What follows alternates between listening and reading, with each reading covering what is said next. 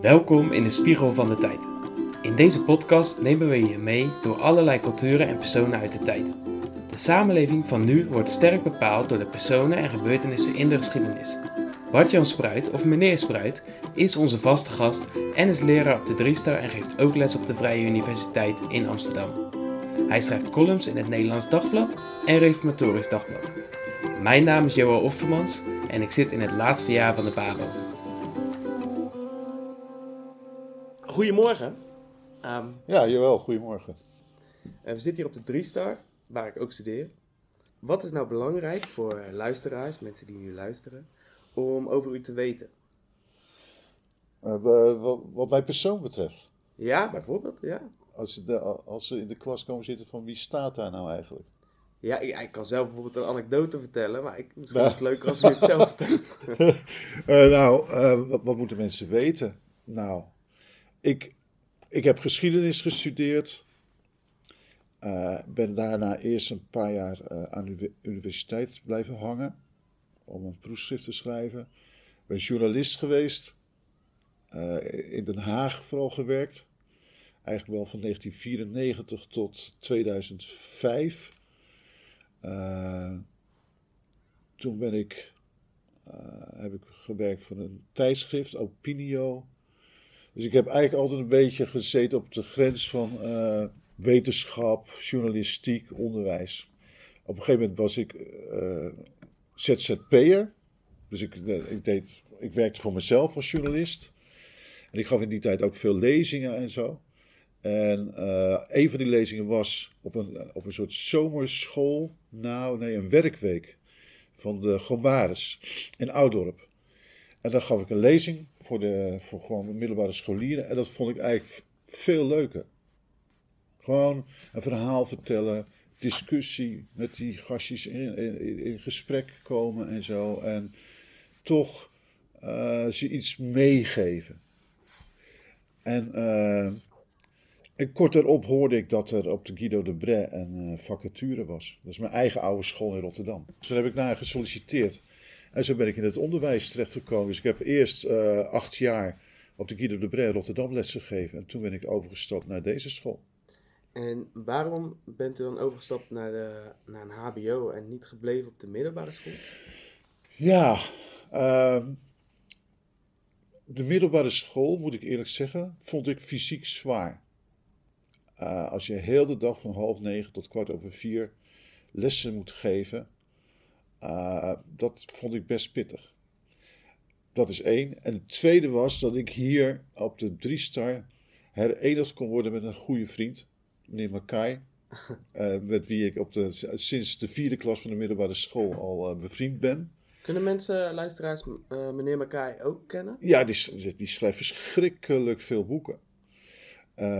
Over, nou, voor, ook voor het, voor het vak dat hij hier geeft. Dat eh, is het vak Cuma, daar komen we misschien nog over te spreken. Ja, zeker. Eh, maar ook eh, hij heeft een heel dik boek geschreven met een christelijke visie op de geschiedenis. Een prachtig boek. En we kennen elkaar dus al, nou, al, al 40 jaar bijna.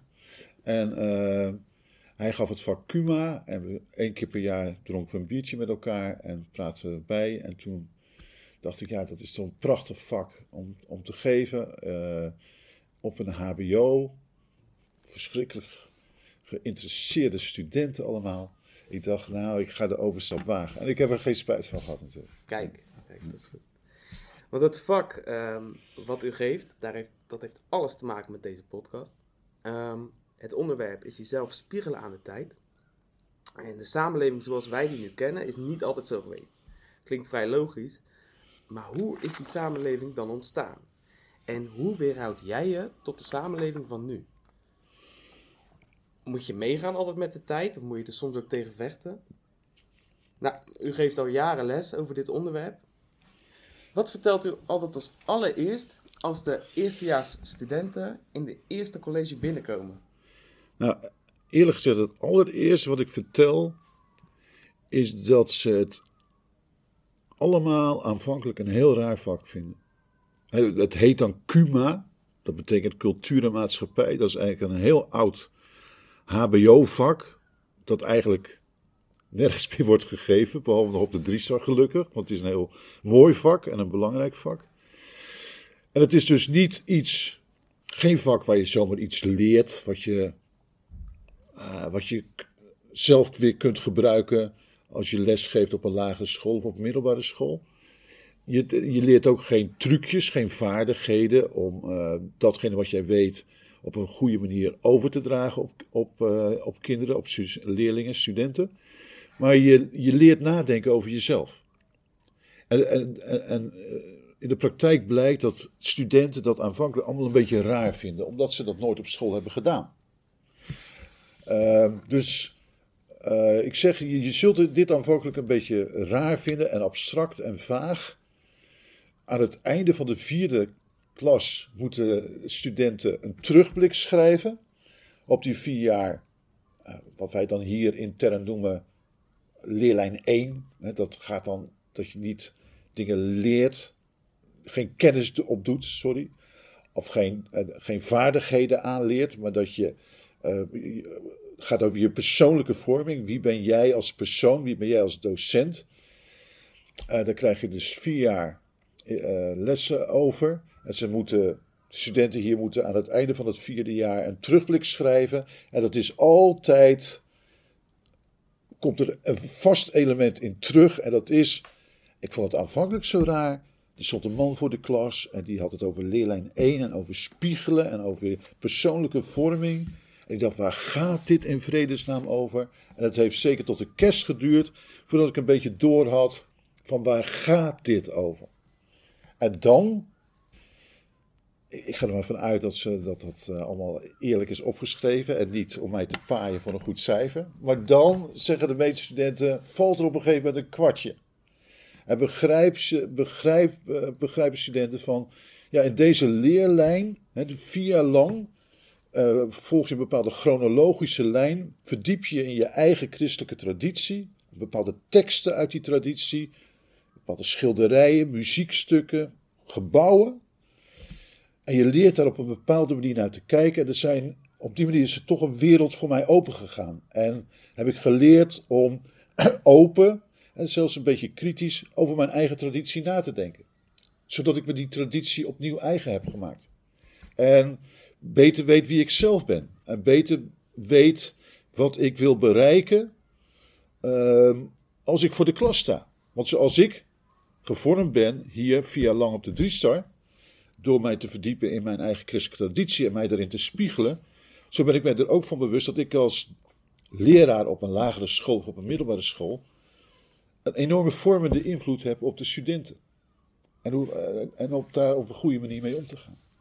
Dus dat is een beetje het, het verhaal dat ik vertel als ze hier binnenkomen. Van je, je vindt het afhankelijk raar en vaag en je denkt, wat moet ik hiermee?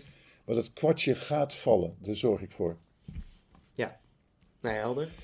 Een lang verhaal, maar ehm, zeker hier op de Driestar, daar leven we nogal in een. In een uh, nou, we zijn allemaal christelijk. Uh, vele van de studenten zijn reformatorisch. Zit daar ook iets in waardoor daar nog meer waarde in zit om jezelf, je traditie te spiegelen aan de tijd? Ja, ik denk dat we eigenlijk twee dingen doen. Een aantal jaren lang, gedurende een aantal modules, kijken we naar bepaalde, we noemen dat historische bronnen. Het zijn gewoon bepaalde teksten. Of, of, een muziekstuk, of een gebouw, een kathedraal, een grote kerk, of een schilderij. En enerzijds is dat bedoeld om uh, na te denken over jezelf als christen. En anderzijds is het ook een confrontatie met een niet-christelijke manier van denken. Om een voorbeeld te geven, uh, we lezen in de derde klasse, is dat, dacht ik, een verhaal van Maarten het Hart. Ja, dat klopt. En dat gaat over de vijf zalen van Bethesda. En dat is vrij schokkend en blasfemisch. En toch lezen we dat. En omdat het typerend is voor een bepaalde manier van denken die eh, in de tijd van de verlichting is opgekomen. In dat kader lezen we dat verhaal ook. Eh, maar die nog altijd heel nadrukkelijk aanwezig is in onze samenleving. En je moet daar als christen, uh, je moet leren hoe je daartoe verhoudt. Wat gebeurt hier nou eigenlijk? Wat is de gedachtenwereld hierachter? En wat klopt er niet aan dat verhaal? Wat is, wat is zeg maar vanuit het christelijk perspectief je weerwoord op de verwijten die Maarten het hart, de christelijke kerk, maakt? Ja, dus, en dan gaat dan op het verhaal van Bethesda wat Maarten het hart, uh, waar Maarten het hart kritiek op heeft. Ja, ja hij, hij, hij, hij vergelijkt daarin. En dat is natuurlijk heel schokkend, zeker als je uh, altijd in een, klinkt misschien wat oneerbiedig, maar in een soort reformatorische bubbel hebt geleefd. En nooit met dit soort dingen in aanraking bent geweest. Maar hij vergelijkt de Heere God met een SS-officier. Nou, dat is vrij ongebruikelijk in onze kringen. Uh, maar we lezen dat toch. En we, hij, hij maakt de God van Bethesda, van de vijf zalen van Bethesda, eh, een verwijt. Maar als je er nog beter naar kijkt, naar dat verhaal zoals je dat vindt, het Evangelie van Johannes, uh, kun je daar juist door die kritiek van buiten het hart een beter zicht op krijgen van wat is daar nu eigenlijk de bedoeling? Wat is de pedagogiek van God bij die vijf zalen van Bethesda? Ik vergelijk, we vergelijken dat ook met uh, een dominee die ook in een concentratiekamp zat. En die ook met uh, het optreden van een SS-officier werd geconfronteerd en daar ook een antwoord op had. Nou, zo, dat antwoord willen we, uh, we willen helpen studenten om dat antwoord te vinden en zelf te formuleren. Zodat ze ja, een beetje weerbaarder en sterker in dit, moderne leven staan. Even voor de luisteraars. Uh, het verhaal van Bethesda is misschien onbekend voor je. Dat geeft helemaal niks. Uh, daar komen we later in de podcast, in de latere aflevering, gaan we daar uitgebreid bij stilstaan. Dus dat komt allemaal nog aan bod. U noemde het net al. Als leerkracht is het belangrijk om je te spiegelen aan de tijd, als ik het zo even kan zeggen. Um, maar ik kan me ook voorstellen dat, er nu iemand zit van ja, maar ik word helemaal geen leerkracht. Maar ik vind het gewoon een leuke podcast. Of wat heb ik er dan aan? Oké, dat, dat, is een goede vraag natuurlijk. Uh, kijk, het gaat over vorming.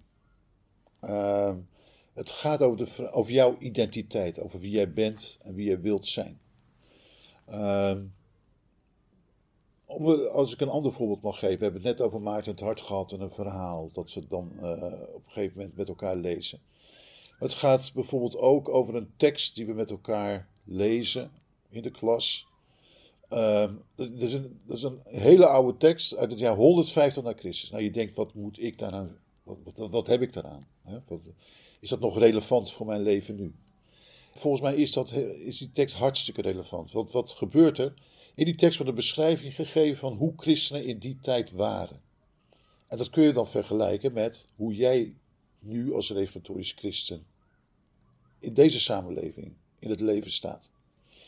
In die brief wordt gezegd: christenen vallen helemaal niet op door de manier waarop ze zich kleden, waar ze wonen, uh, ook niet door hun taalgebruik. Het zijn eigenlijk, zo op het eerste gezicht, hele normale mensen. Nou, je kunt je afvragen, als je nu aan gewone normale Nederlanders vraagt: waar ken jij orthodoxe christenen van? Nou ja, dan zal die zeggen: ze kleden zich op een bepaalde manier. Ze wonen allemaal in Barneveld en omgeving. En uh, ze spreken een taaltje dat voor mij eigenlijk ontoegankelijk is. Ja. Als ik zondags naar de kerkdienst zou gaan, zou ik daar niks van begrijpen. Oké, dus dat is een groot verschil. Ze zullen vaak hoedjes zeggen, ja, zwarte hoedjes, rokjes, uh, hoedjes, rokjes enzovoort. Dat gold in die tijd dus niet. Waar viel tijd nou wel door op? En dat is ook heel relevant voor onze tijd, de tijd van corona en epidemie, pandemie. Dat zij enorm veel een eh, echte pure naastliefde aan de dag legden. Dus als er in die tijd een epidemie uitbrak, waren mensen natuurlijk bang. En ze vluchtten vaak het dorp of de stad uit om zich in veiligheid te brengen. Ze gingen hoog op een berg, eh, in frisse lucht, gingen ze af zitten wachten. En pas als de ziekte voorbij was, keerden ze weer terug. Als ze wegvluchten, lieten ze zieke mensen en stervende mensen gewoon achter. En waar vielen christenen erop dat ze dat niet deden, zichzelf in veiligheid brengen, maar in de dorpen of steden achterbleven om zieke en stervende mensen te verzorgen. En dat staat allemaal in die brief? Ja, dat staat allemaal in die brief. Dus als je zo'n brief met elkaar leest, ook al is het misschien aanvankelijk vreemd om een, een brief van 2000 jaar oud uh, op, een, op een ochtend met elkaar te gaan zitten lezen. Maar wordt, krijg je een bepaald beeld van hoe christenen toen waren. En als je daar dan in spiegelt, zie je verschillen. Je vergelijkt je daarmee, je ziet verschillen. Je denkt, ja, dat, uh, ik, ik, mis toch wat, ik kom tekort. Nou, en dat. En dan kom je eigenlijk tot een, ook tot een vorm van zelfkennis. En, zelf, en kritiek op jezelf. En dan kun je aan jezelf gaan werken om dat gat op te vullen. Nou, dat is die persoonlijke vorming. Waar het hier op de, uh, wat we hier op de Drissar al vanaf het begin, toen het zijn opgericht tot op de dag van vandaag, verschrikkelijk belangrijk vinden. Omdat voor, voor ons is onderwijs, persoonlijke vorming, het gaat om meer dan dat je kennis overdraagt. En dat je pedagogisch, didactisch zo geschoold bent dat je er ook een beetje handig in bent. Het gaat in, in het onderwijs, zeker in het christelijk onderwijs, gaat het erom ja, om wie jij bent, wat jouw identiteit is, uh, wie je als persoon bent. En daarom is, en dat is het hart van de opleiding. Wat is jouw geloof? Wat is jouw overtuiging? En hoe sta je in het leven? En hoe wil je, zeg maar, als docent dat overdragen op kinderen? Kinderen met een ziel. En daar gaat het om. Dat, dat is het hart van de opleiding. Dat is ook het mooie van de opleiding, vind ik. Dus dat je enerzijds allemaal bij al die zaakvakken, zoals dat dan heet, heel veel leert. Dat je pedagogisch en didactisch geschoold wordt, zodat je uh, een duidelijke visie op het kind hebt en werkvormen leert om dingen over te dragen en zo. Dat uiteindelijk gaat om het hart, om de ziel van, van de mensen, over wie jij bent, ook in je relatie uh, tot God en tot je medemens. Maar is het dan niet zo dat jullie op de drie-star hier proberen uh, ons als studenten een richting op te wijzen van de reformatorische leer? Oh ja, misschien wel een beetje. Uh, nou, de meeste mensen die hier werken en die, die, die, dit instituut bezoeken en die hier werken, zijn misschien wel van, zijn van mening. Uh, dus dat geldt in ieder geval voor mij. Dat de boodschap van de Bijbel uh, nergens zo goed is samengevat als in de reformatorische beleidingsgeschriften. Maar dat betekent niet dat dat een stramine is of een frame is dat bij voorbaat uh, het aanbod van het onderwijs beperkt. Want als, als we zouden zeggen, nou, we stellen alleen aan de orde wat in heel nauwe zin met onze identiteit met onze beledenis in overeenstemming is, dan zou je zo'n verhaal van Maarten het Hart niet lezen.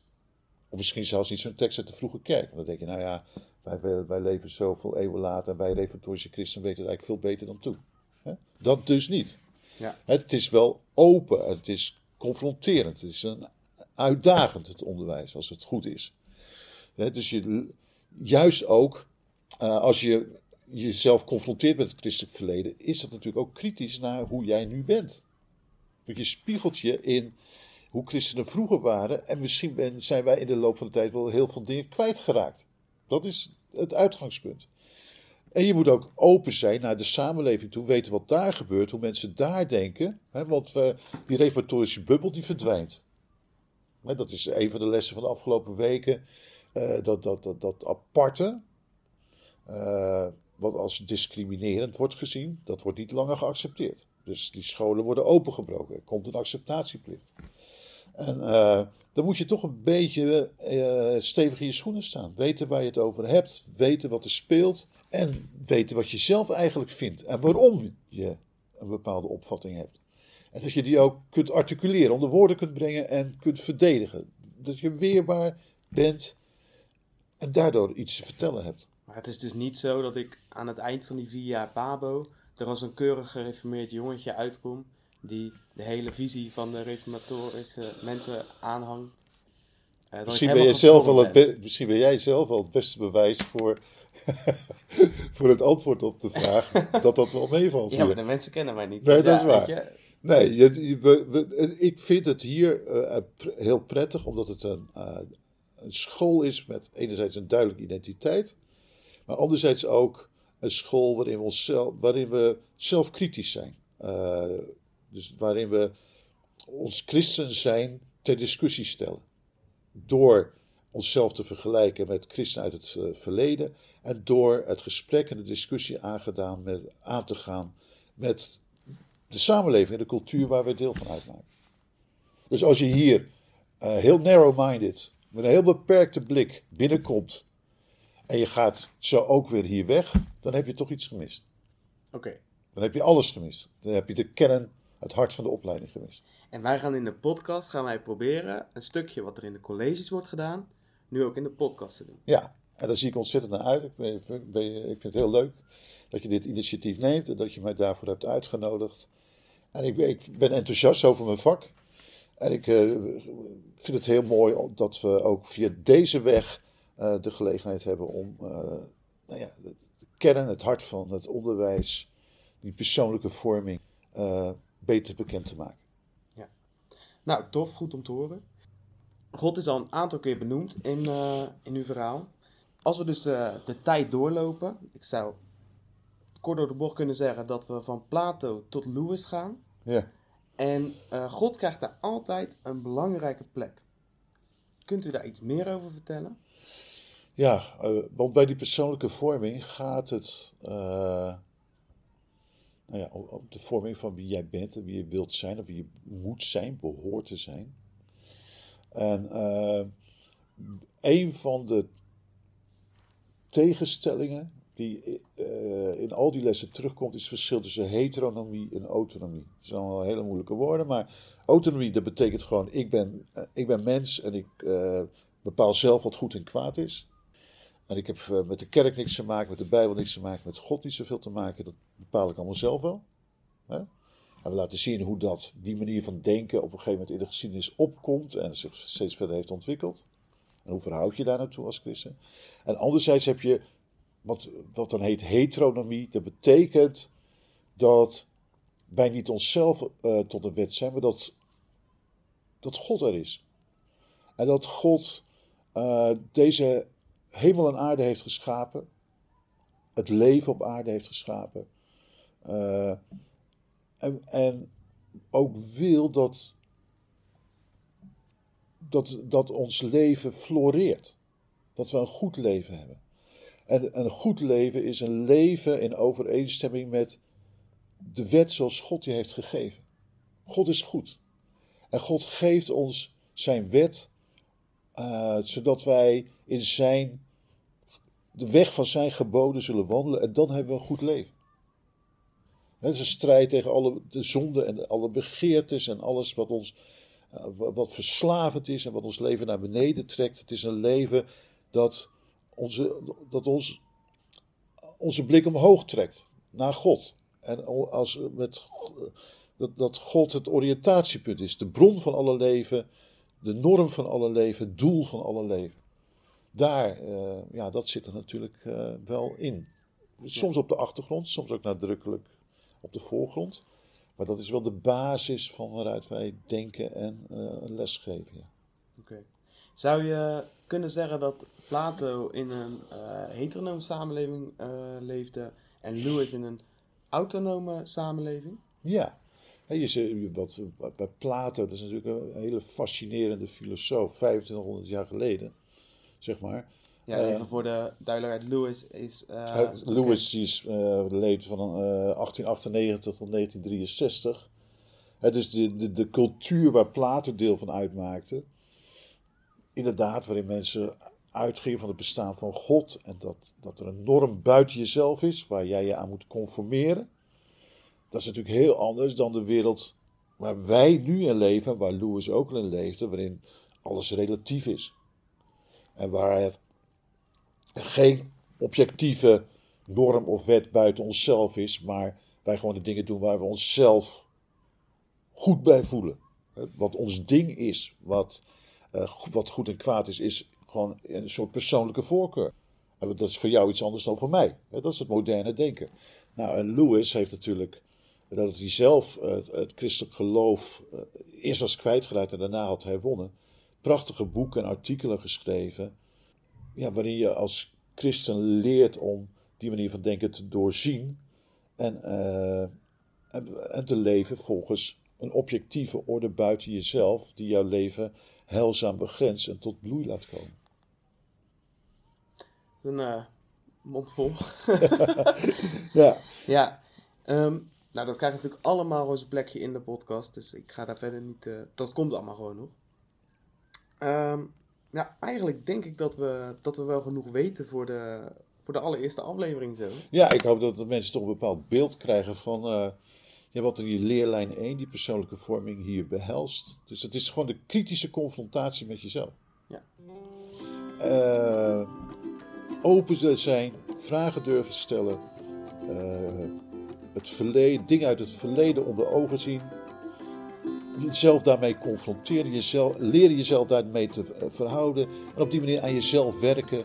Uh, om, om, ervoor te zorgen dat jij als persoon en de identiteit die je, die je hebt, dat die beter uit de verf komt. En dat je als een mooie mens eigenlijk in dit leven staat. Mooie afsluiting.